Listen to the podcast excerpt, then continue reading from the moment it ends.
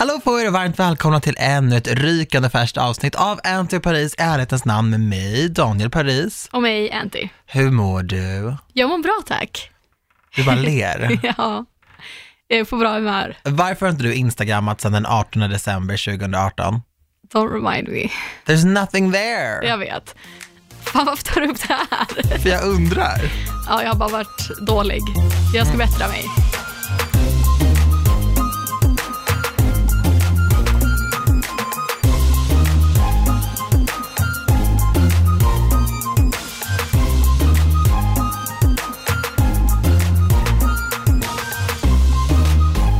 Nej men gud, du lägger upp när du känner för det. Men jag blir så här, jag bara, gud vart, vart är hon i mitt flöde?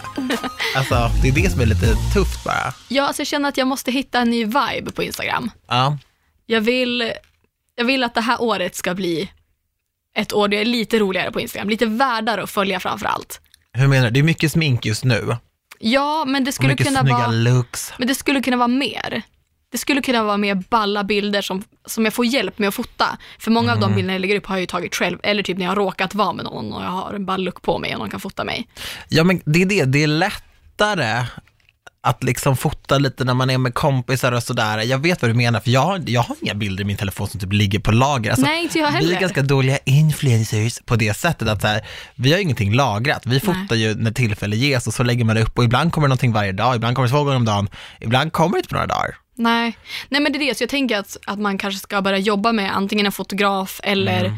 typ bestämma någon dag att säga okej, nu händer det, nu blir det en Du och jag fotodag. kan ju köra. Ja, absolut. Det hade varit bra om man var med någon som hade en bil. Så man kunde köra Oh, runt till jag olika... fattar. Jag Nej, men fattar. alltså, förstår Nej, du? jag Ja, men du och jag hade ju kunnat fota med någon som hade bil. Jag skojar bara. Ja, det är i och för sig Så man nice. kan byta om i bilen, man kan ha med sig grejer och man kan åka till coola locations så man slipper dra runt på en väska och åka tunnelbana hit och dit. Ja, det är, det är tufft. Det blir ju som en fotografering. I alla fall din typ av bild. Alltså så här, det är ju en cool look, snygg och fixad och härlig. Det är mer tacksamt att fota dig, det finns mer...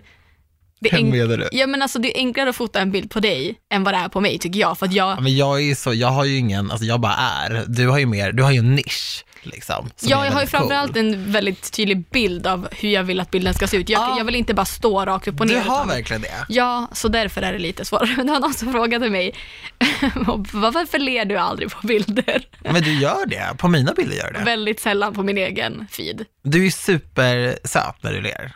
Ja, men det är nog inte det jag är ute efter. Nej, och då Så ska du därför- inte göra det. Vet du, du måste inte. Nej, nej, men det handlar ju inte om att jag är mad bara för att jag ser mad ut. Men det är med den här looken. Jag vill, jag vill snarare att det ska vara en cool bild och en cool look snarare än Mm. en cutesy pic. Ja, och plus att när man ler så förändras ju eh, ansiktet. Så, Mm. det gör det ju. Hela utseendet förändras av ett leende. Exakt. Och jag tänker så här, du vill ju ändå, ibland vill ju du visa upp smink eller sådana där saker, då vill man ju vara så neutral som möjligt i ansiktet. Mm. Men har du tänkt på, vi snackade ju om det i hissen, att när man är helt nollställd i ansiktet, alltså folk som bor på typ min gata eller mina grannar, så, de måste ju tycka att jag är sur hela tiden. För att när jag har stängd mun, och typ så, alltså stängd mun egentligen, för min mun pekar neråt, då ser jag så jävla lack ut. Alltså jag Se- verkligen, ser helt nollställd ut i men så ansiktet. här,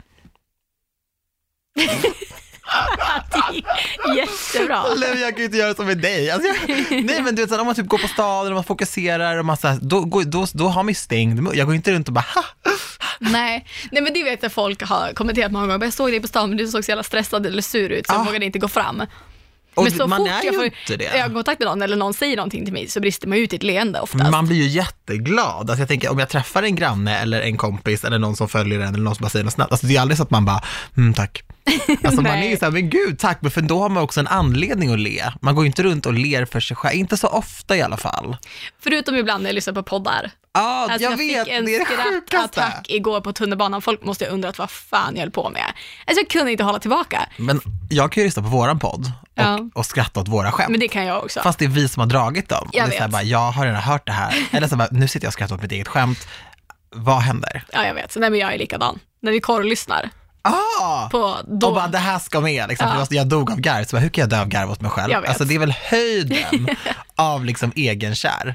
Fast man hade ju inte sagt det om man inte tyckte att det var kul, så att det är inte konstigt att man skrattar själv. Nej, egentligen inte. Jag är också sån som kan sitta och tänka på saker och så här, spela upp saker i min hjärna och börja skratta åt det. Saker som har hänt förut, minnen. Men Kan du typ sitta på middag eller typ en lunch eller någonting med dina vänner och så här fila på någonting kul som du har velat säga och bara nu ska jag säga det, nu säger jag det. Nej, men jag kan, så här, när jag ska berätta någonting så tänker jag på det och så börjar jag skratta när jag berättar historien så jag dödar det för att folk får så höga förväntningar och fattar jag vet, ingenting. jag vet. Och då tänker folk att det ska vara så jävla roligt, så när man säger det ordentligt, folk bara Really? Det blir Men- jätteofta så med mina systrar. Det är ju för att man garv själv. Jag vet, för man Ah. tycker att det är så jävla roligt och så blir det bara fel när man berättar det. I know. Men också så här, hur kul är det att lyssna på ett skämt från någon som är stoneface? Nej, det är sant. Komiker Men det är ju- ofta stoneface när de berättar. Om, man, Ja. koll, om man kollar på stand-up. Det är aldrig så att de bara, så sen! Så Nej, sa här nej, det är killen." fan sant. De är alltid så bara, "Ah, mm, mm. Alltså det, det är väldigt, det är hårt och vasst. Ja, det är faktiskt sant. Men jag tycker det är härligt när någon dör av garv för att berätta en historia. Ja, absolut. Alltså lite så. Ja. Det är det vi skulle prata om i veckans podd. Och det var allt, ha det bra, hej. Men nästa vecka, Vi måste återkoppla från förra veckan. Ja. Vad händer med din lägenhet? ha. så här. Jag var ju over the moon. Jag hade ju typ redan flyttat in. men jag var jag ju så också. här, bara, jag, jag är där. Ja. Problemet är att så här, jag, realisten i mig slog till och jag började kolla på lägenheter, ett som kostade lika mycket som den här lägenheten och mindre och hittade alltså typ palats. Mind you, jag är inte rik, så hold your horses. Men det var verkligen Vilken adress bodde du på? Nej, men- jag ska, förlåt. Nej, men lägenheten nu är ju verkligen ingenting. Så här, jag började kolla på saker som kostade mindre och det var liksom, jag hittade så stora lägenheter, så sjuka lägen. Jag var bara så här, okej, det var en nice lägenhet, men så här, wow. Och jag började kolla på, bara så här runt omkring. Du vet, går du 10 meter, 50 meter och kollar lägenheterna där, så kostar de alltså extremt mycket mindre än just den adressen. Så jag var så himla rädd för att så här, lägger asmycket pengar på den här lägenheten, köper den och du vet så här, jag kommer inte få tillbaka de där pengarna när jag säljer. Och det är så här, I'm not made of money. Jag måste tänka på min framtid, på vad jag ska göra. Det är så här, jag har inte så mycket och så här, jag har liksom inte föräldrar som, som kan komma och lösa ut mig om det skiter sig med lägenheten. Eller som kan komma och liksom betala min hyra om jag inte har cash en månad. Det är verkligen bara jag som måste lösa det här. Så då kände jag så här, jag kommer, jag kommer att handla för en mindre budget, även fast banken okejade det här, för min framtids skull. Men, Men- du får flytta in när du vill. alltså, jag lovar dig, jag kommer hitta någonting bra till oss. Vilket jag kommer det, men det kommer inte vara just där. Är du okej med det? Jag är okej med det. Är du okej med det? Ja, För 100%. vi hade flyttat in. Men skärmen med att flytta är ju också att kolla på flera lägenheter. Jag gick på en. Jag gjorde samma sak när jag köpte den i. Vasastan, jag gick på en visning. Så du kanske ska lära av det att kolla. Du kanske hittar någon som är ännu drömmigare, Ja, där jag också kan bo. tror du det? Ja men du Vi hittar något. Ja, vi hittar något Antonia. Och jag menar, det är inte så att vi är bostadslösa. Jag tror bara att jag fick sån så här, och eh, jag har en tendens att bli sådär runt saker och Jag ting. med. Det har vi pratat om innan, vi blir väldigt exalterade lätt. Men det ju väldigt roligt. Ja, men vi kommer bli exalterade när vi hittar någonting annat. Jag älskar att jag säger vi. Men tror du när att du vi kommer hittar det? någonting annat, ja. Kommer vi det? Ja, alltså jag kan kolla lägenheter åt dig. Säg vad jag får kolla på för budget så är jag där. Jag kommer sitta på Hemnet varje dag, det gör jag redan. Ja, vi, du är ju en sån tjej. Ja, men det är så guilty pleasure. Jag kollar verkligen på Hemnet varje dag. What's new with you? Jag har haft ett väldigt roligt... Varför kollar du på mig sådär? För att jag vet vad som är nytt. ja, ja, du vet ju redan. Nej, men mycket händer. Jag är väldigt positivt överraskad, för januari brukar vara en seg månad. Det har vi pratat om Kommer du 150 ihåg förra året? Nej, men generellt, januari, det är ju en, det känns som att det tar ett tag för våran bransch att vakna till liv efter julen. Och att januari generellt mest är bara en så planeringsmånad och man får inte så mycket jobb. Det är inte så mycket som startas upp i januari. Nej. Men det känns som att det har kommit väldigt mycket i min väg redan. Mm. Vilket gör att jag också såklart blir driven och positiv och peppad. Mm. Så jag är väldigt tacksam för starten på året och hoppas på att det håller i sig så att det inte pikar i januari och sen bara... Nej! Attitude is everything. Ja. Du måste ju tänka att du kommer dra till dig ännu mer grejer och då kommer du göra det. Ja, 100 procent. Och veckans podd är ju en frågepodd. Vi har bett våra följare och lyssnare att höra av sig med frågor till oss. Så har vi liksom kokat ner det, det smarrigaste och eh, då ska vi svara på det. Och Ja. vissa frågor är ju liksom individuella, andra är till båda oss och så här och eh, det är bara så där. Mm. Vill du börja? Absolut. Oh. Första frågan. Om du startade ett företag, vilka tre vänner skulle du anställa och varför? Ooh, working with friends. Och nu tänker, för att vi jobbar ju, vi är ju ändå egenföretagare redan och jobbar, men personen tänker kanske om vi startar ett företag där vi skulle behöva anställa folk. Men typ om man skulle börja sälja hudkrämer eller något, något Ja, sånt. eller öppna en butik eller, ja inte fan vet jag. Men börja du då? Jag hade nog anställt Sara, Ja. för hon är väldigt ordningsam Service minded. och lugn i stressade sammanhang.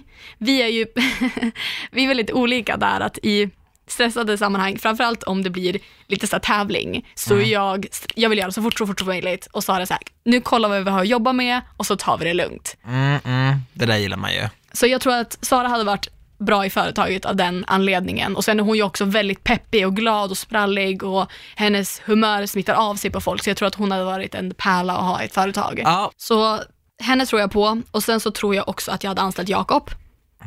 För att jag har få, eller jag har träffat få människor som är så jävla driven som honom och så jävla duktig på sitt jobb. Mm. Så att hade jag behövt någon som kunde rocka ett eh, social media account till exempel, så hade ju Jakob kunnat göra det. Mm. Definitivt. Och han är också bra med människor och också lugn. Och så här, oavsett vad som händer, he keeps his shit together. Mm, mm, mm. Så att eh, Jakob och Sara, och sen hade jag nog ansatt Rosanna. För att hon kommer med det här jävla anamma. Och hon är bara så jävla bas. Vilka tre personer hade du anställt? Jag hade anställt Ellen Bergström utan tvekan, för att hon är bara, alltså hon kan göra allting. Skulle jag börja sälja hudkräm, då skulle hon bli kosmetolog och lärt sig allt om hur man gör hudkräm. Skulle jag sälja sockor, då skulle hon lära sig sticka, vilket hon kan redan från början. Alltså hon har en otrolig energi, hon är otroligt driven, hon är otroligt duktig, vilket gör att så här, jag blir duktig runt henne. Och så här, ja, hon är bara en väldigt bra person och vi har ju faktiskt jobbat ihop på morgonradion och det var inte ett företag så, men, eh, men då såg vi också varje dag och så här, det, det, var, det var jävligt soft. Och vi, vi var ju så här, gick och gjorde saker efter jobbet. Det är oftast då man brukar spy på varandra liksom efter jobbet, men eh, vi, det var, vi satt ju typ ihop under den tiden. Så det var väldigt kul. En fråga på det bara. Ja, Sockor? eh, men du brukar säga sockor. Nej, jag säger sockar. Va, Men sockar är ju inte en svenska, alltså vad fan? Sockor, vad tänker du när du säger sockor? Sockor är strumpor som är stickade. Tjocksockar? Tjocksockar. Ja, okej. Sockor heter det. Right. Då är jag på banan. Eh, och sen så hade jag anställt eh, Niklas Li, det är faktiskt det är Ellens eh, pojkvän. Eh, men han är också, eh, ja, men har kommit att bli en vän till mig. Det, är inte bara min kompis kille. Han är superduktig på ekonomi och, och sådana saker. Han är egenföretagare också såklart, men han är alltså superduktig. Han har gett mig jättemycket att strukturera upp min ekonomi och göra liksom smarta val och sådär. Med kapital som jag har haft och så. Och verkligen gjort mig så intresserad av hela den här grejen. Så han är superduktig. Tänk att han kan göra, hjälpa till med bokföring och sådana saker. Duktiga beslut som ska tas. Och sen han skulle säkert kunna göra massa annat också. Min tredje kompis som jag skulle anställa, jag tycker ju, jag tycker ju att det är så svårt med sånt här. Jag tycker verkligen det. Ja. Du verkade verkligen ha tänkt ut alla tre. ja, men det var, jag fick ju frågan också, så jag har skrivit ner den, så jag har hunnit Mm. fundera lite.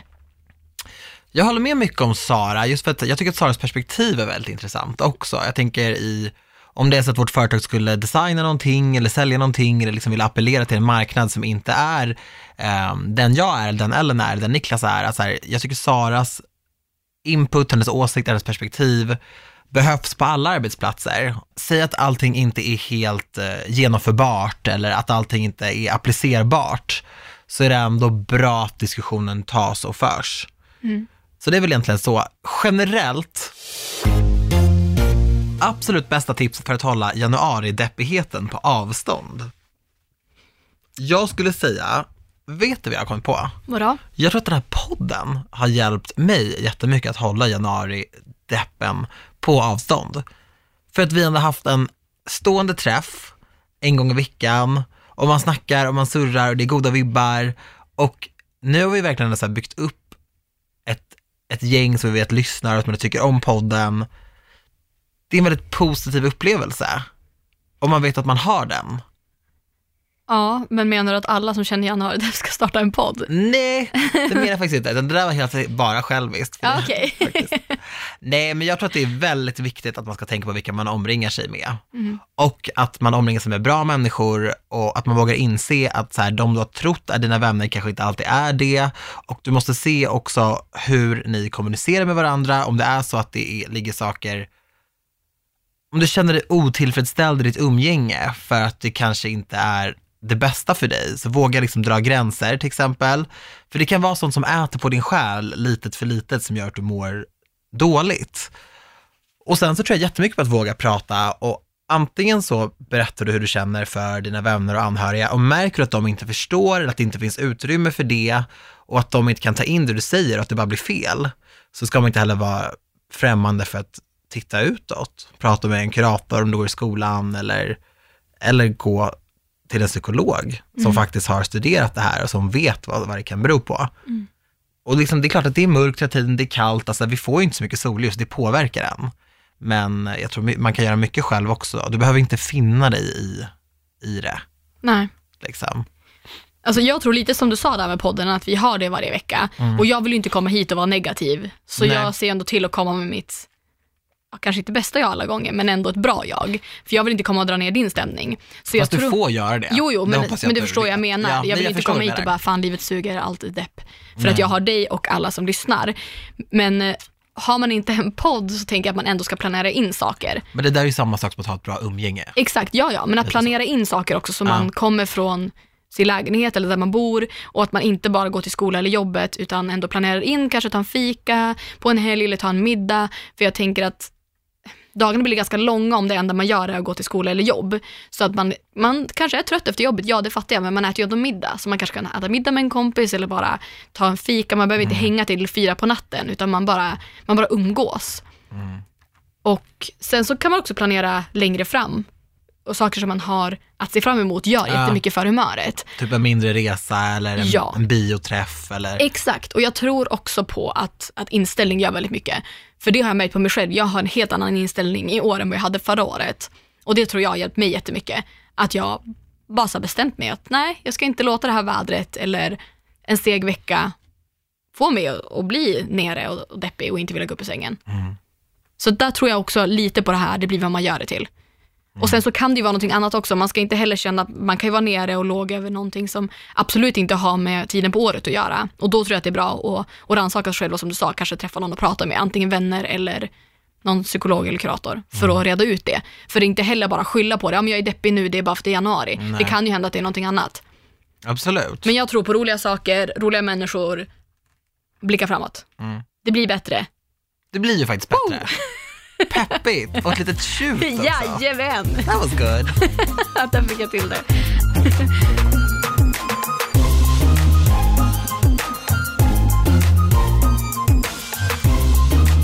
Här är som har skrivit att hon har flera kollegor som är rasister. Har jag skyldighet att vara trevlig för bra stämning och hon har utländskt påbrå?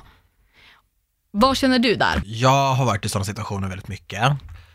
I mina dagar, jag har haft klasskompisar som har varit extremt rasistiska. Jag har haft eh, kollegor som har dragit rasistiska skämt på liksom en helvit arbetsplats, jag är den enda. Och så här, jag har mått väldigt dåligt av det. Och, alltså, det har verkligen fått mig att känna mig nervös, otrygg. Liksom, ja, alltså, det är otroligt våldsamt att uttrycka rasistiska åsikter framför rasifierade människor. Och på en arbetsplats, man väljer ju inte sina kollegor på samma sätt som man inte väljer sina klasskompisar, mer än att man väljer inriktning.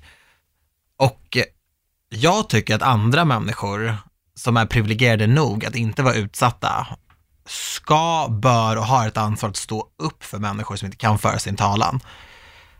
Jag kommer ihåg en gång när vi satt på jobbet, jag hade lurar i då, och eh, då uttryckte sig en kollega till mig, inte rasistiskt, men det var så här, de, de pratade politik och där fick jag, jag fick det här berättat för mig i efterhand, för jag hade verkligen lurar, jag satt och lyssnade igenom någonting eller så här, jag brukade inte sitta med lurar på mitt jobb då, men där och då gjorde jag faktiskt det. Så började de prata politik och så sa han typ så här, ah, alla som röstade på eh, sossarna och miljöpartiet är så jävla dumma i huvudet, det är så jävla stö-, verkligen så här rageat över den här grejen. Och han är så här, var en sån äldre man typ, då hade min ena kollega, hon bara, vänta här nu, och det här är så otroligt opassande sagt av dig och att du sitter och liksom skriker ut det så högt på en arbetsplats. Och du måste förstå att det sitter människor i det här rummet som kanske inte är lika talbara som dig eller som inte vill eller vågar eller känner för att höja rösten så som du gör och berätta om sin politiska övertygelse som kanske har lagt sin röst där. Och du har ingen rätt att säga att de är idioter eller sitta idiotförklara dem på det här sättet. Och jag tyckte bara att det var så här, det var så skefigt sagt av henne. Nu vet inte jag vad hon röstar på, jag säger inte att jag la min röst på de här partierna, men det är ändå så här, samma sak går att applicera på rasism. Mm. Nu vill inte jag dra eh, ett sånt exempel eller ens återberätta någon slags rasistisk grej, för att jag tycker det är så vidrigt. Men man kan byta ut det han sa mot en rasistisk harang, Ja. eller mot en, en främlingsfientlig harang. Mm. När det sitter folk i rummet, oavsett om de är påverkade eller inte, det är så här, vad gör du? Men har man då, som den här tjejen, hon vet att hon har en eller flera rasister på sitt jobb. När hon kommer in i fikarummet, har, är hon skyldig att vara trevlig mot dem? Eller vad gör Det är ju skitsvårt. Trevlig och trevlig, alltså hon, hon ska vara exakt som hon vill vara. Mm. Om de kränker henne öppet, Men även om de inte gör det, om hon bara känner att hon vet ju om att de är rasister, Ja. så då känns det som att Ja, hon det är har blivit jättesvårt att svara dem. på eftersom man inte vet om det är någon som, om de rakt ut säger saker till henne. Eller om de bara pratar jättekonstigt, bara, öppet. så hur har helgen varit? Ja, alltså spontant så vill jag säga, du har absolut ingen skyldighet alls. Tycker jag. Alltså det är Nej. klart att det är ett jobb och jag tycker inte att man ska vara någon annan än den man är. Jag är till exempel en väldigt trevlig person, Ja. så jag skulle inte vara otrevlig mot någon, jag skulle aldrig gå emot min personlighet. Nej. Men hade jag hört någonting homofobiskt eller rasistiskt så hade jag sagt ifrån ett Mm. och jag hade inte känt att det är personer jag vill sitta bredvid på lunchen eller ens vara trevligare än vad jag nödvändigtvis behöver vara för att det är ändå en arbetsplats man vill ha trevlig stämning, Ja, det förstår jag. alltså man hälsar Men- och det är väl det. Ja, fast det behöver man inte heller göra. Men sitter man på ett möte kan man ju inte ignorera personen i fråga. Nej. Men man kan välja att inte sitta bredvid den när man tar en kaffe eller man behöver inte vara så här, "Ah, men gud, hej vad har du gjort i helgen? Du kan bara vara ingenting mot den personen. Ja, det tycker inte jag är egentligen. konstigt. Alltså hade jag varit en jävla idiot mot en person eller mot en folkgrupp hade inte jag förväntat mig att den personen eller den Alltså jag hade inte förväntat mig att folk skulle komma och krama mig. Man måste ju, Nej. det är en så tydlig grej, man, man kan inte vara så blåögd att man tror att man kan säga vad som helst om personer och sen förvänta sig att personen man har pratat om ska komma och bara, men gumman hur mår du? Det, Nej, ett, ett trevligt bemötande när man själv är otrevlig är ju lite väl, det är lite väl magstarkt. Ja. Ett vanligt bemötande när man jobbar ihop, det är väl det, det, är väl det man får. Ja, Jag var ju inte otrevlig mot liksom mina klasskompisar, men det blev ju att vi inte hängde för de ogillade ju mig, Mm. Abby, ja. för att jag inte var a white guy. Så, men, men det var ju ändå så här, om vi hamnade i samma arbetsgrupp så pratade vi ju. Alltså jag kan ju, det enda jag kan jämföra det med är att det finns ju folk på YouTube som har rasistiska åsikter öppet. Hade jag blivit bjudet på ett event där de skulle vara så hade jag ett, inte gått. Två, hade jag behövt gå så hade jag, då hade jag ignorerat dem helt ärligt. Nu är inte det samma sak för vi träffas inte varje dag. Nej. Men jag hade inte beblandat mig med människor som öppet är rasister. Gud, jag är så ledsen av en sån här fråga. Jag Så det här vet. är mig så jävla frustrerad. Och att hon själv röstar fel gör mig ännu mer ledsen. Mm. Alltså det här är så hemskt. Ja. Och så finns det de som säger att, inte är så, att rasism inte är ett problem år 2019. Snälla. Då går vi vidare. Vilka är era bästa tips för framgång? Hur blir man framgångsrik? Wow, bra fråga. Mm. Take it away. Jag tror att det är viktigt. En av de viktigaste grejerna är att tro på sig själv Absolut. och tro på sin dröm och våga satsa. Mm. Jag tror att det är två saker som man behöver för att komma igång. Ja, men jag tänker så här, ibland när man kollar på auditions, typ, när de visar så här, typ Idol eller typ sådana saker, och så märker man att det här ska vara en dålig audition. Förstår du hur jag menar? Att så här, det, det är så det, det målas upp, att någon sjunger falskt eller något sånt där. Det är alltid dem jag typ hurrar högst för. För att det är så, det är så chefigt att ställa sig upp och göra den där grejen, fast man kanske vet att så här, jag låter inte som alla andra, eller jag vet inte om det här är skitbra. Men så här är det. Var dig själv i alla lägen. För att någonstans, världen älskar original. Vi älskar människor som sticker ut, som är unika, som är sig själva. Men i ung ålder så programmeras man att man ska vara som alla andra. För då får man mycket kompisar och man blir inte utsatt för någonting och man blir, du vet man ska klä sig som alla andra, klä sig som de coola, vad har de, vad är, vad är, vad är hett nu? Vi, ska, vi, vi fixar det så att du verkligen bara passar in typ. Men det är också så här, alltså min personlighet var ju inte jätteuppskattad när jag växte upp och det var såklart jättetråkigt där och då. Men det är ändå den som har gjort mig till den jag är nu. Om man ska dra det jättelångt så är det också min personlighet som gör att jag kan liksom kolla på bostadsrätter som jag bara kunde drömma om när jag var yngre. Nu låter det som att jag skryter, som att jag är så här, mm, mm, mm. Men när man, när man ändå växte upp med att så här, du kommer aldrig bli någonting, ingen tycker om dig, du är inte som alla andra, du passar inte in. Och sen ändå så här, gör lite så karriär på det, eller slå mynt av det och verkligen så här, men jag ska visa er, jag kommer inte förändras. Och det går bra. Då blir man ju lite så här, nej, nej, nej, nej, nej. ja, jag är med dig. Så jag menar, backa inte, ge det inte. Och det, lyssna på mig, alltså det går 100 nej, 99 nej på ett ja. Mm. Det gäller hela tiden, det gäller mig också. Alltså allting är inte klart för mig. Mina vänner som är superframgångsrika, alltså de får hur mycket nej som helst. Från jobb, från roller, kampanjer, tyvärr. Men sen så händer det och det är samma sak när du söker jobb, du kommer få så mycket nej. Du kommer sitta och betvivla dig själv. Så, men det är det jag, kommer du tro. Det är inte det. Och sen så tror jag också att det är bra att tänka att det är aldrig för sent. Nej. Om man har ett jobb som man kanske inte trivs så bra med, men man känner att ja, men ska börja plugga nu, ja okej, då är det fem år och ah, nej, det känns som kanske inte, inte värt det, eller det, jag vet inte om man kommer gilla det. Prova. Mm. Och det är inte, tänk aldrig att det är för sent. Nej, och mycket där med plugga tror jag, det är så intressant att du säger det. Ibland så tänker man att så här, men jag gick inte klart, så det var bara ett waste. Men det behöver inte nödvändigtvis vara det, utan säg att du går en termin och liksom ändå läser lite kurser och sådär, det kommer också vara någonting som, som går att använda. Mm. Men försök att ta en hel examen om du nu vill det. Och det är inte för sent, menar, när jag pluggade på universitet, jag var ju så här bebisen i klassen, jag var 22.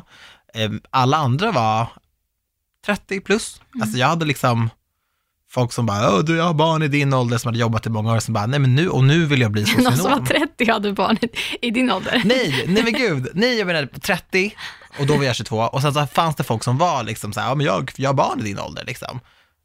Alltså som var 50 plus ja. typ. Och det är ändå så här, de bara, ja, jag, jag började plugga när jag var 50, men jag är klar om fyra år och jag ska jobba tills jag är 65. Så jag har många år att vara verksam. Ja, jag bara, gud, det är fan sant mm. liksom.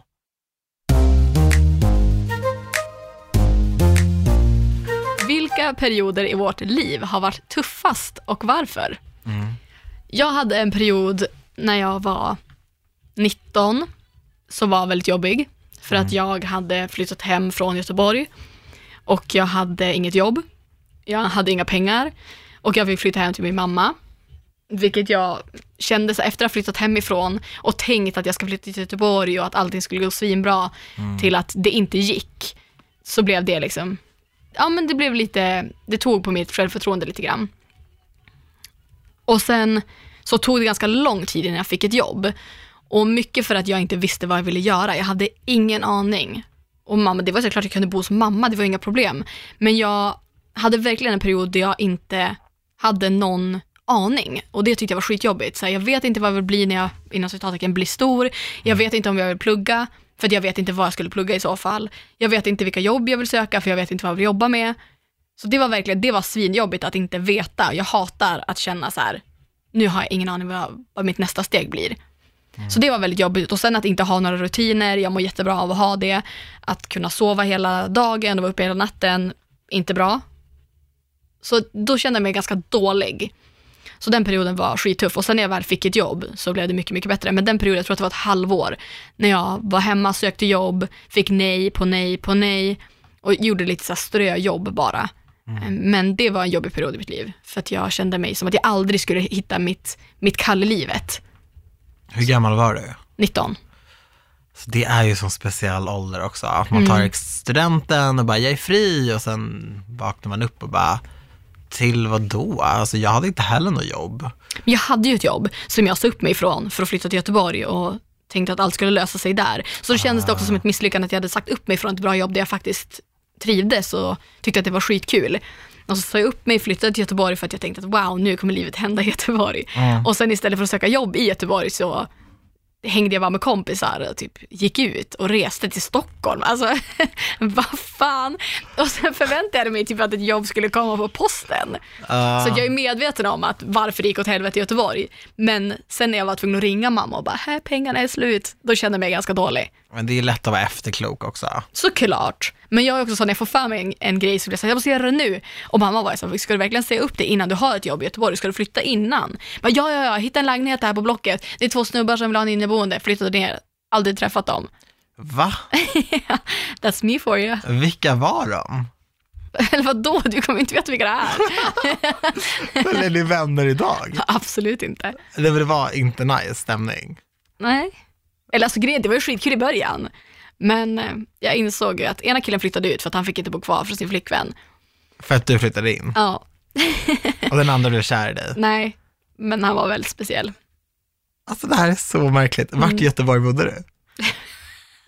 Alltså, jag ska till helt nyfiken. Du, Jag älskar Göteborg. Ja. ja, vi kan prata mer om det sen. Skitsamma, det blir jättelångt utlägg om Göteborg-resa annars. Okej. ehm, nej men jag kan väl kolla, jag har haft det jobbigt i perioder för att vara ärlig. Det, det är mycket som, liksom, min självkänsla har flackat och min liksom, arbetssituation har flackat och, och det har varit jättejobbigt, alltså när jag pluggade, jag, menar, jag, jag beskriver min universitetstid och bara så här, ja, som blev jag socionom, alltså det var liksom, det var fyra långa år eh, och det var tufft. Jag kommer ihåg när jag spelade in ett tv-program och pluggade samtidigt. Det här var för, jag hade kanske pluggat fyra terminer eller någonting. Och då hade jag ändå så här, var ändå så här, jag var, jag var, på radion, jag var sidekick då i Vakna med The Voice och var ändå så här typ en, en tv-profil, men jag var också student. Och, och balanserade allt det där. Och sen så började jag känna mig väldigt, väldigt trött. Alltså verkligen så här väldigt trött. Och fast jag sov så var jag väldigt trött. Och när jag skulle skriva min uppsats så bara minns jag att jag öppnade en bok och det, jag kunde liksom inte läsa orden. Jag kunde inte läsa. Jag bara så här, vad står det här? Vad står det här? Jag ska skriva ett sammandrag på det här och jag, kan, jag, vet, inte vad, jag vet inte vad som står här. Och det var så tufft att bara så här, du vet, jag var så här, vad, vad, vad är det här liksom? Och det är tydligen så här, den första typ signet, liksom symptomet på att du börjar bli utbränd. Mm. Och då fick jag världens panik och bara, det här får liksom inte hända. Jag blev så himla rädd och det var så här kött i mina öron om nätterna, alltså det var bara en tuff tid. Så jag pausade mina studier och jag kommer ihåg att jag skulle berätta det här för mina föräldrar. Och då bara sa jag så här, jag bara, så började jag typ gråta när jag pratade med dem. Och bara så här, det här är så sjukt, jag, jag, jag kommer ta min examen, men jag kan inte göra det här just nu. Och jag trodde de skulle bara, men Daniel, alltså vad fan liksom. Du, du är bara en B-kändis, du måste ta en examen, du måste ha ett riktigt jobb, vad håller du på med liksom?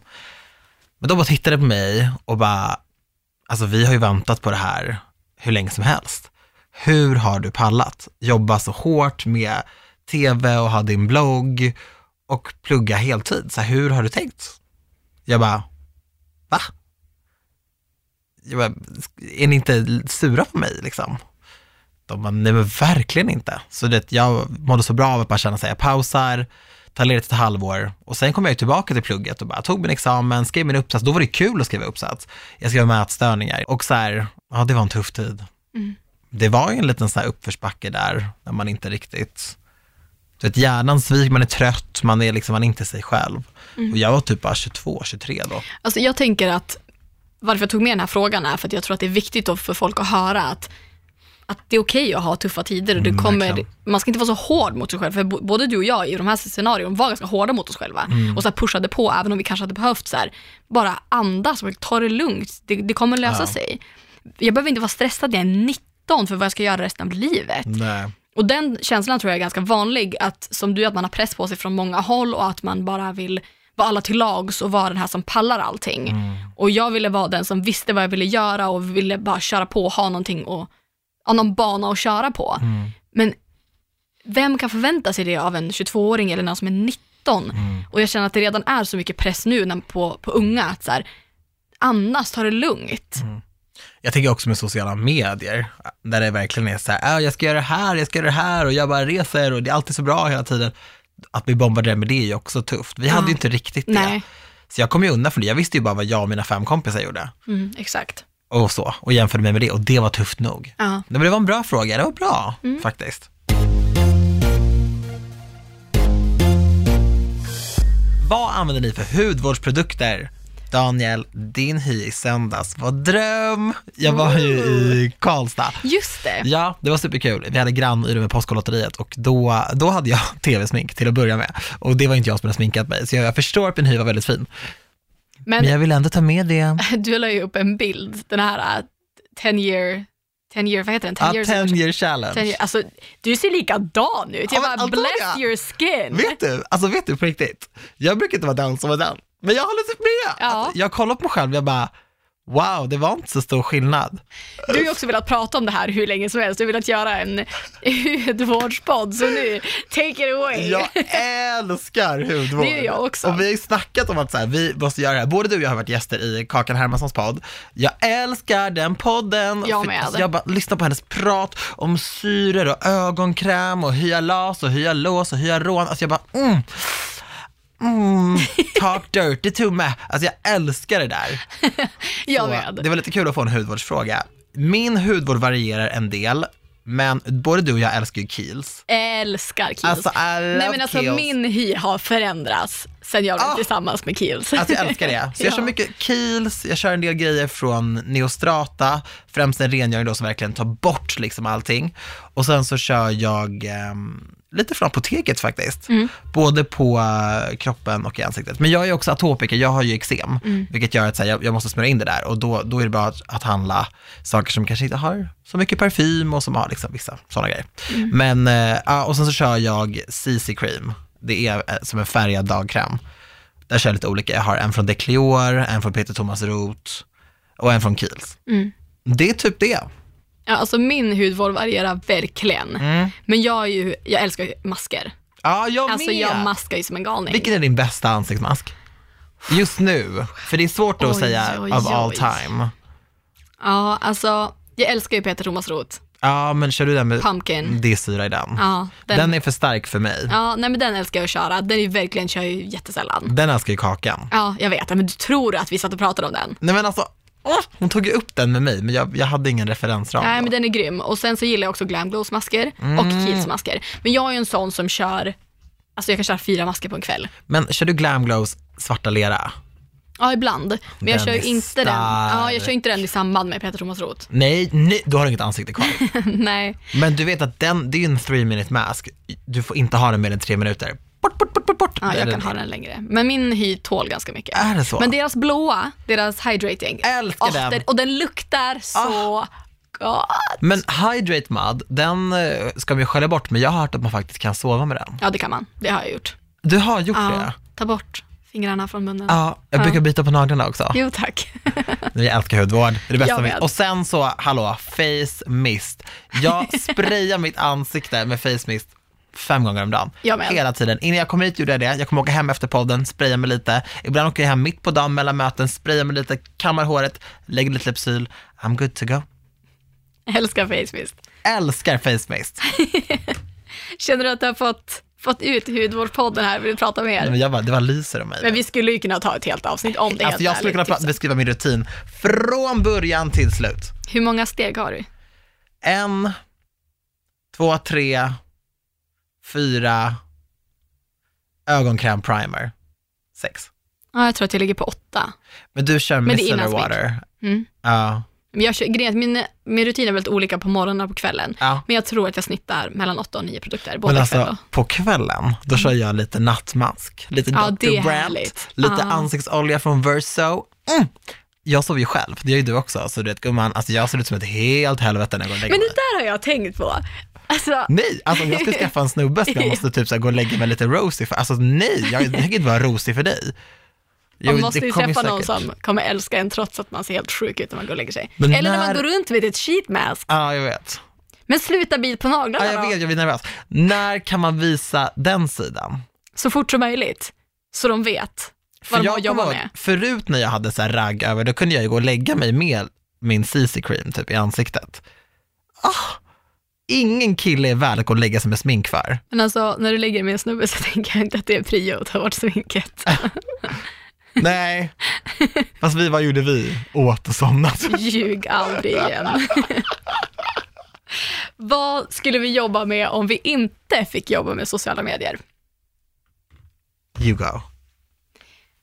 Jag tror att jag skulle bli mäklare. Åh, du hade passat så bra som det. Alltså lägenheter och hus, det är verkligen, jag sa det förra poddavsnittet, det är porr. Ja, men din lägenhet är så fin också, så det märks att det är något, ett, ett tränat öga som har inrett. Ja, men inredning har ju ingenting med, med att sälja lägenheter att göra egentligen. Nej, men du har ett det är öga mer, för det. men jag skulle kunna styla lägenheter också, det hade också varit kul. Ja. Men jag tror bara att få se olika lägenheter varje dag och framförallt att få sälja hem. Mm. Att få sälja in känslan att ni ska bo här, Mm. det här, när ni kommer in hit så är det ni bor här, känslan av en lägenhet. För jag kände, att när jag var och kollade på lägenheter så träffade jag olika mäklare Ja. och vissa var verkligen så här, ja men gav mig en bild, alltså, gav mig känslan att, ja, men vill du bo här, trivs du här? Och vissa, de gav mig liksom en, en br- broschyr och sen var Mm. de så här, I don't care what you do. Så att jag hade, jag hade velat ha en mäklare som verkligen var så här, mer into it. Men Så- mäklaren du köpte av, Mm. Hur var han? Peppig? Alltså jag köpte min lägenhet innan jag kollade på den. Ja, Så- men ni hade ju kontakt vet jag. Ja, så att när jag väl träffade honom, det var ju när vi var och kollade på min lägenhet första gången efter att jag hade köpt den. Mm. Men han var supertrevlig Mm. och verkligen hjälpte mig att mäta ut. Och där var ju verkligen så här, när vi var och kollade på den så var det ju redan min. Mm. Så han var ju så här, det här är ditt hemma. Och vi gick runt där och vet, ah, det var så sjuk känsla. Han var jättetrevlig. Jag skulle lätt kunna tänka mig att sälja med honom om jag Mm. säljer min lägenhet. Men han var jättebra, absolut. Kul. Så att, eh, ja, mäklare tror jag. Jag skulle här, kunna jobba med annat också. Jag skulle kunna jobba i butik, jag älskar att sälja. Ja, då hade det funkat i butik också, verkligen. Men du hade kunnat göra det mesta. Jag ser mig inte dig som typ så här ekonomiassistent. Nej, jag hade ju absolut inte kunnat jobba på kontor. Nej, för du gillar folk, mycket folk, Mm. in och ut, nya människor, alltså sådär. Ja. Ja, det tåls att funderas på. Mm. Du då? Jag, jag pluggade ju till socionom under den här tiden och, och jag sökte till socio, först sökte jag till juristprogrammet, kom in och eh, gick på några klasser men det var inte för mig. Och sen så sökte jag eh, lärarutbildningen och eh, socionomprogrammet parallellt. Men jag, när man kommer in på en utbildning då stryks den andra. På den tiden var det så. Mm. Så socionom, liksom, jag blev antagen där först. Så det är det jag hade gjort. Mm. Och det, det tror jag hade varit helt fantastiskt för mig. Sen så var jag väldigt ung när jag var färdigexaminerad. Jag tog examen sommaren 2013. Egentligen tycker jag att det var lite för ungt. Mm. För jag var väldigt ung. Mm. Att få sitta kanske och med människors liv liksom. Man kommer träffa klienter som är i ens föräldrars ålder, man kommer träffa människor som har flytt från krig, man kommer träffa människor som verkligen är utsatt och behöver ens hjälp.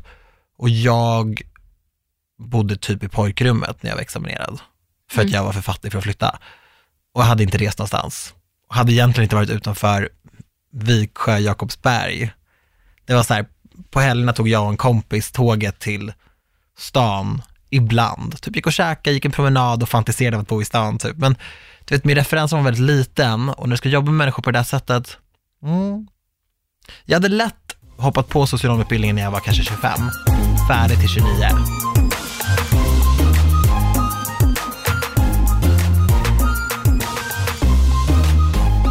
Okej, om du fick vara någonting då, utan att tänka på att du behöver plugga till någonting. Om du bara fick alltså så här, all kunskap du behöver inom vilket yrke som helst. Om du fick drömma Men- fritt. Jag älskar ju produkter och saker och allt sånt där. Det hade varit skitkul att här, ha ett eget hudvårdsmärke eller jobba i butik och, och så här, jobba på NK. Det var ju min största dröm när jag var liten. Att typ ha ett jobb på NK, du vet så här, på Lancome kanske eller något sånt och bara snacka hudvård och grejer hela dagarna. Jag älskar det. Jag- När jag går på ansiktsbehandlingar och de är så här, nu ska du bara sova och koppla av. Jag bara, nej, nej, nej, nej. Alltså vi ska prata om de här serumen och krämerna och så här.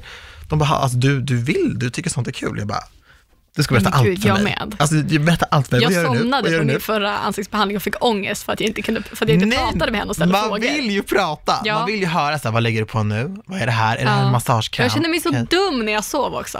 Men det, det är ju väldigt skönt. Jag vet, men det kändes, jag kände mig otrevlig mot hon som gjorde min ansiktsbehandling. Nej. Att jag.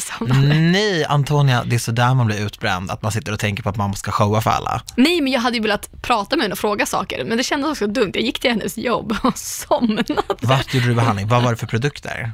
Jag vet inte för att jag sov. Ah, vadå från start direkt gumman? Nej, men det var, nej, kanske inte direkt, men det var ju verkligen, jag sov ganska mycket. Oh, I love products. Jag med. Men jag fattar att ha en egen butik, Ja. Eller en egen salong. Ah, Glida in där och bara yes I work here, och I folk own blir så this. glada, ingen kommer ju och är sur då. Det är inte så att man bara, jag ska på ansiktsbehandling. men man det är kom- ju såhär, det kör vi. Tro mig, folk blir missnöjda på ansiktsbehandling också. Jag har jobbat på spa. Men över vad Det då? finns. Ja, de är sura över att produkten inte var jättebra eller att den luktade äckligt eller att man fick en finne efter och skyller på ansiktsbehandlingen. Men vadå, kommer de till dig då och bara, Ja. eh, krämen doftar äckligt, jag vill ha tillbaka pengarna. Okej, det har inte hänt, men det har hänt att folk bara, nej alltså gud, det här det känns inte bra, bla, bla, bla, jag har blivit torr efter den här. Och det fattar jag, alltså, man kan ju få en reaktion av ansiktsbehandling om man gör en djuprengörande ah, behandling. Det är klart att du kan få en finne som dyker upp till Det är ytan. typ det du får. Ja. Det, huden är ju inte alltid som finast dagen efter, det tar ett tag. Ja. Och det är när saker kommer upp till ytan som du vet att du har startat något i huden. Exakt. Men gud! Mm. Read a book honey! Hur många barn vill ni ha? Oj, du vill inte ha barn? Nej, jag vill inte ha några barn, så jag svarar noll på den. Antal zero. Wow. Jag vill ha tre barn. Wow, vi är ju tre, min familj. Ja, men jag med. Ah. Men samtidigt, alltså, det kan hända att jag får ett barn och känner att fuck no, det räcker. A child is a blessing. Jo, men det var, jag vet att det var någon, jag var på ett möte, nej det var på Splay, på deras gamla kontor, mitt eh, gamla nätverk. och där var det någon som vi pratade om det med barn och jag sa att jag vill ha tre barn. Då var det en tjej som sa, hon bara, är du säker på det? Jag bara, ja. Hon bara, så om du får ett barn som är som dig så då räcker det nog med ett. Nej men, va? Ja, alltså jag pratade med mamma om det här när jag var hemma nu senast. That's not nice. Jag sov inte en hel natt förrän jag var ett år. I was that kid. Förstår du att ha tre sådana? Just sömn påverkar människor väldigt mycket. Ja. Så, ja, ja, det är Men man vet ju aldrig. Alltså det kan hända att jag får sju barn, det kan hända att jag får ett barn. Sluta Ja. bit på naglarna. Ja, det är så spännande att prata barn. Men om jag säger nu vad min känsla så vill jag ha tre barn. Ja. Sen får vi se. Mm. Både för dig och mig. Men vi håller tummarna för det. Fingers crossed. Absolut. Skulle ni kunna bo ihop? Och i så fall, vem skulle städa mest? Alltså, jag hade gärna bott med dig, men jag vet inte om du vill bo med mig. Alltså, jag tror ju att det också kan vara en fara att bo med kompisar. För det kan Ja. gå hur som helst. För man kan vara hur bra kompisar som helst, man kan funka överallt annars och så bor man ihop och det kan verkligen gå åt helvete. Det är inte säkert heller att det blir liksom mer av det mysiga bara för att man bor ihop. Nej. För att ibland, när man träffar sina vänner är man ju oftast på sitt bästa humör. För att ett, man ska träffa sina kompisar så man är ju glad över det. Och två, man vill ju ändå så här att det ska vara sköna vibbar allt som oftast. Men när vardagen knackar på dörren och det är så här trött efter jobbet eller du vet, det ligger saker överallt, så är det inte helt säkert att så här, ja, det var inte så bra idé. Alltså jag tror att jag hade kunnat bli din morsa på ett sätt och du hade kunnat bli min på ett annat. Mm. För att jag hade ju nog städat mer, Ja, men jag är också slarvig ibland och Ja. tidsoptimist. Så att när jag lämnar hemmet så kan det ibland se ut som ett helvete bara för att jag har letat efter en speciell jacka och så har jag dragit fram brukar du 150 dra andra. ut alla då och bara lägga dem på Men sängen? alltså om jag har bråttom, då är det så, Ja. jag har inget val. Jag Lägga dem på sängen. Vad menar du? De ligger på golvet. Ja, du bara vaskar dem. Ja, men jag får ta det sen om jag har bråttom. Det är ju så här, när jag, jag brukar ha typ 10 minuter att gå så här, okej? Jag måste gå 10 minuter innan tunnelbanan går.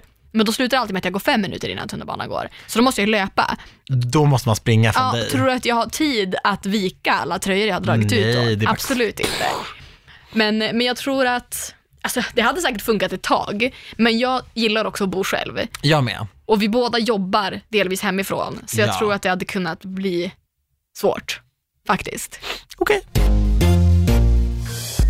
Nej. Nej, men jag håller med. Men vi, vi, ibland ses vi och jobbar, alltså sånt är Ja, sånt, liksom. alltså jag tror att det hade varit kul på många sätt, men i, i långa loppet, eh, så tror jag Nej. inte på att bo med kompisar. Och tänk så hade vi haft ett badrum och du vet, ska man fixa sig. Det hade behövt vara stort. Hade vi på tar- två våningar, så att vi, Ah, vi hade ett hus! Ett hus, ja men ett hus hade vi kunnat ha. Ja, men lite egen tid tror jag att Ja, man, och man lite behöver eget space. Ja, Ja, då hade det nog kunnat funka. jag är med dig. Ja, It's a good thing. Jag har en fråga som bara är till mig. mm, ta den. Daniel, du som har pluggat på universitet. Jag pluggar just nu men har svårt att hitta studieteknik. Har du några tips? Studieteknik är väldigt knepigt. Förut när jag hade så här en tenta att plugga till och kursen började, då trodde jag att nu, nu är det liksom sätta sig ner med den här boken från dag ett och så är det bara att läsa varje dag.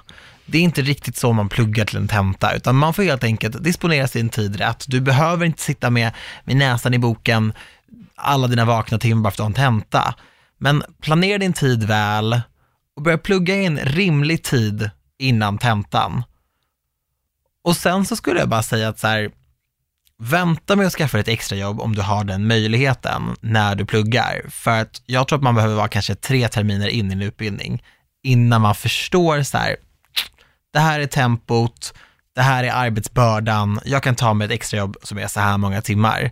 För det är ganska krävande att plugga och mm, jag hade ju inget så här regelrätt extrajobb, men jag hade ju det med tanke på att jag hade så här bloggen och så här, min karriär drog igång. Men den drog ju typ igång ja, efter fyra terminer. Så jag hade vant mig, jag visste vad jag kunde göra, jag visste vad jag inte kunde göra och typ sådana där saker. Och sen tror jag jättemycket på att verkligen eh, nätverka med dina kurser och dina klasskompisar. För alla är ju typ i samma sits och det är ganska kul att liksom ses på ett fik och sitta och plugga tillsammans eller ses hemma hos någon eller eh, ja, sådär. För jag gjorde, jag gjorde jättemycket sånt. Jag hade grymma klasskompisar. Linn och Sofia, jag minns er än idag. Jag hade typ inte kunnat plugga utan dem tror jag. Och Linn var så cool för att hon var lite äldre än mig, jobbade på uh, Tiger, du vet, hon hade ett flashigt jobb och var typ min idol. Hon bodde på Söder och jag bodde ju hemma i pojkrummet.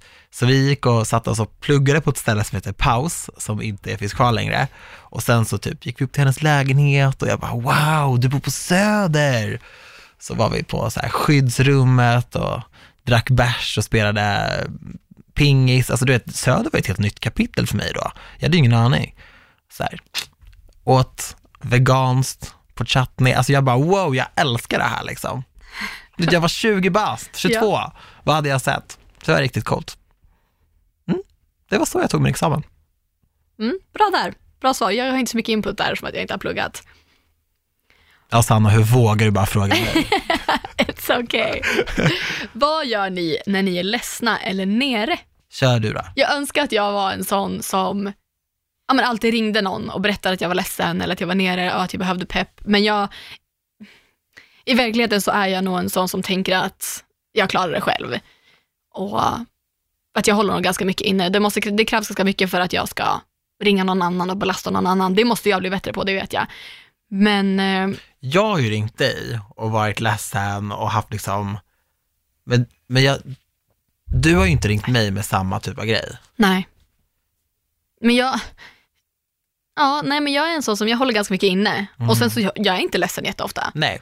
Eh, men, eh, men jag har ju sagt mycket gånger när jag varit kluven i så situationer, när jag säger gud jag vet inte vad jag ska göra, då kan, det kan jag verkligen prata med dig eller så. Men honey, då ringer du big bro. Alltså. Ja.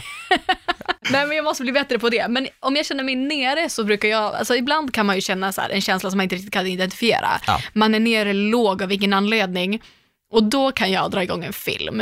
Mm. Och börja alltså, grina, för jag grinar ju till filmer. Mm. Och det kan vara ganska skönt att bara släppa på det och bara så här, ja men vara lite ledsen. För då känns det ofta bättre. Även om man inte har någonting att vara ledsen över, man kan bara ha mycket känslor och känna så här, oh, fan jag vet inte vad det här är. Och då när man får gråta lite så kan det bli bättre. Mm. Drar jag igång Lejonkungen, då jävlar. Can you feel the love tonight? Jag fick typ en tår för att jag sjöng så falskt. It hurt. You know? We gotta talk.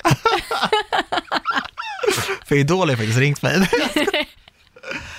jag har varit lite nere på senaste, för att jag har varit besviken på människor i min närhet. Och det för mig är en väldigt så här, tuff känsla att ta in. Att bli besviken på folk, det tar så lång tid för min energi att studsa tillbaka. Mm. Säg att någon gör mig någonting, ber mig om ursäkt, och jag är inte omöjlig, alltså jag accepterar ju en ursäkt, inte så att jag bara nej. Eh, men det påverkar mig och mitt humör jättelänge och jättemycket. Det är på riktigt som att någon har skadat mig, alltså slagit mig och så har jag fått ett blåmärke. Och ett blåmärke försvinner ju inte på en dag. Så jag går runt och är så lite ångestfylld, har lite ont i magen, är lite kluven, känner mig så här otrygg länge. Mm. Jätte, jättelänge. Typ till och med när vi hade pratat om det och löst allting så gick jag och la mig med en klump i magen. Samma klump som jag hade när det inte var löst. För att så här, jag är så nära till den känslan.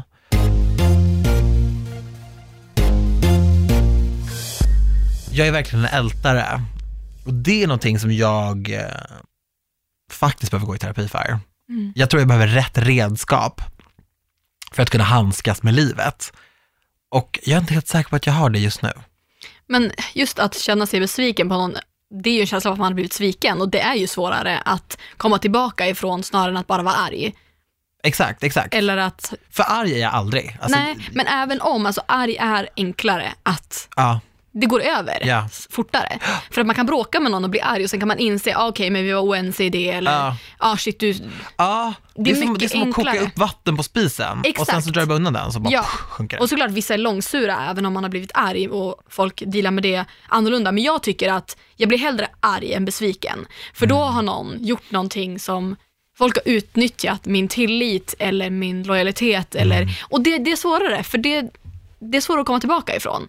För det är en sån sak som jag inte heller glömmer i första taget. Så det är också, det sätter sig mer på, ja det, ja, det tär mer på en tycker jag.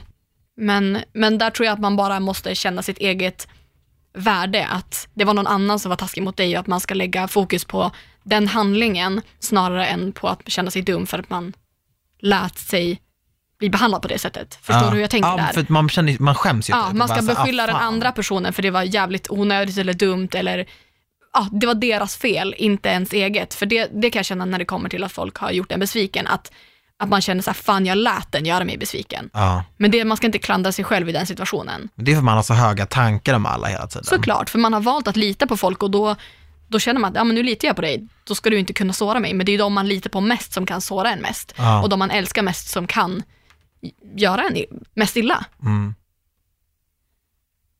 Ja, så är det ju.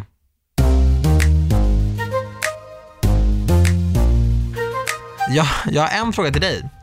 Hur ska Antonia överleva utan Red Bull när hon ska skaffa barn? Wow, jag har inte tänkt på den. Du får ta den intravenöst i en spruta.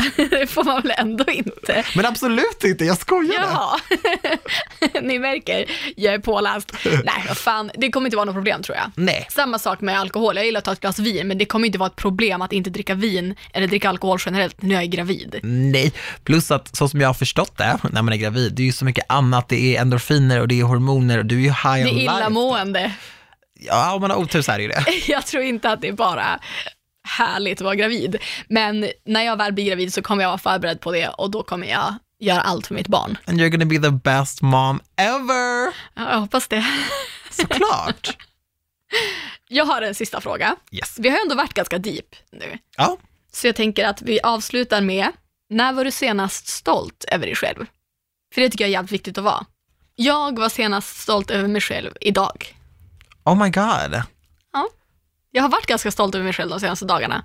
För att jag har eh, jobbat mycket och jag har eh, varit produktiv. Och jag känner att I'm in a good place och det är jag stolt över. Ehm, hmm. Jag känner mig inte ostolt över mig själv. Nej. Men jag, jag har inget så tillfälle. Jag körde med min PT idag Mm. och han sa att jag har gjort framsteg. Mm. Det var ju gulligt sagt. Mm. Då känner jag mig faktiskt ganska glad. Jag kommer köra med honom nu. Ja. Så det var ju väldigt fint. Då känner jag mig faktiskt stolt. ja.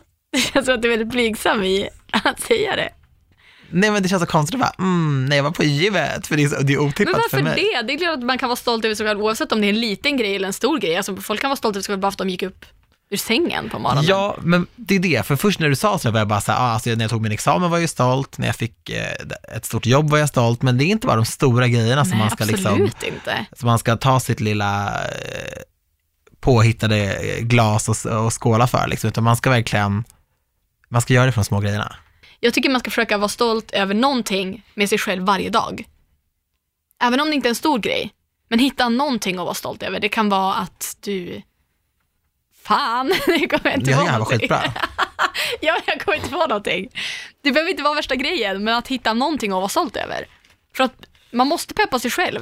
Man behöver inte känna att vara stolt över sig själv är en så stor grej, för det känns som att man tänker på det så, så tänker man som du, att så här, det måste vara en stor grej, man Stora, måste ha gjort ja. någonting stort. Men jag tror att det är en stor del av att backa sig själv, att vara stolt över de små grejerna också. That was so good. Hoppas att ni gillade frågepodden. I nästa vecka har ju vi en gäst. Jag är så taggad på det. Jag med. Sara Songbird kommer gästa där och det kommer bli så himla galet skoj. Ja. Tack för att ni lyssnar, tack för att ni peppar. Om ni vill mejla oss så når ni oss på, antiochparis.hotmail.com. nej men du hör ju, hör av dig för tusan. Puss puss! Puss och kram.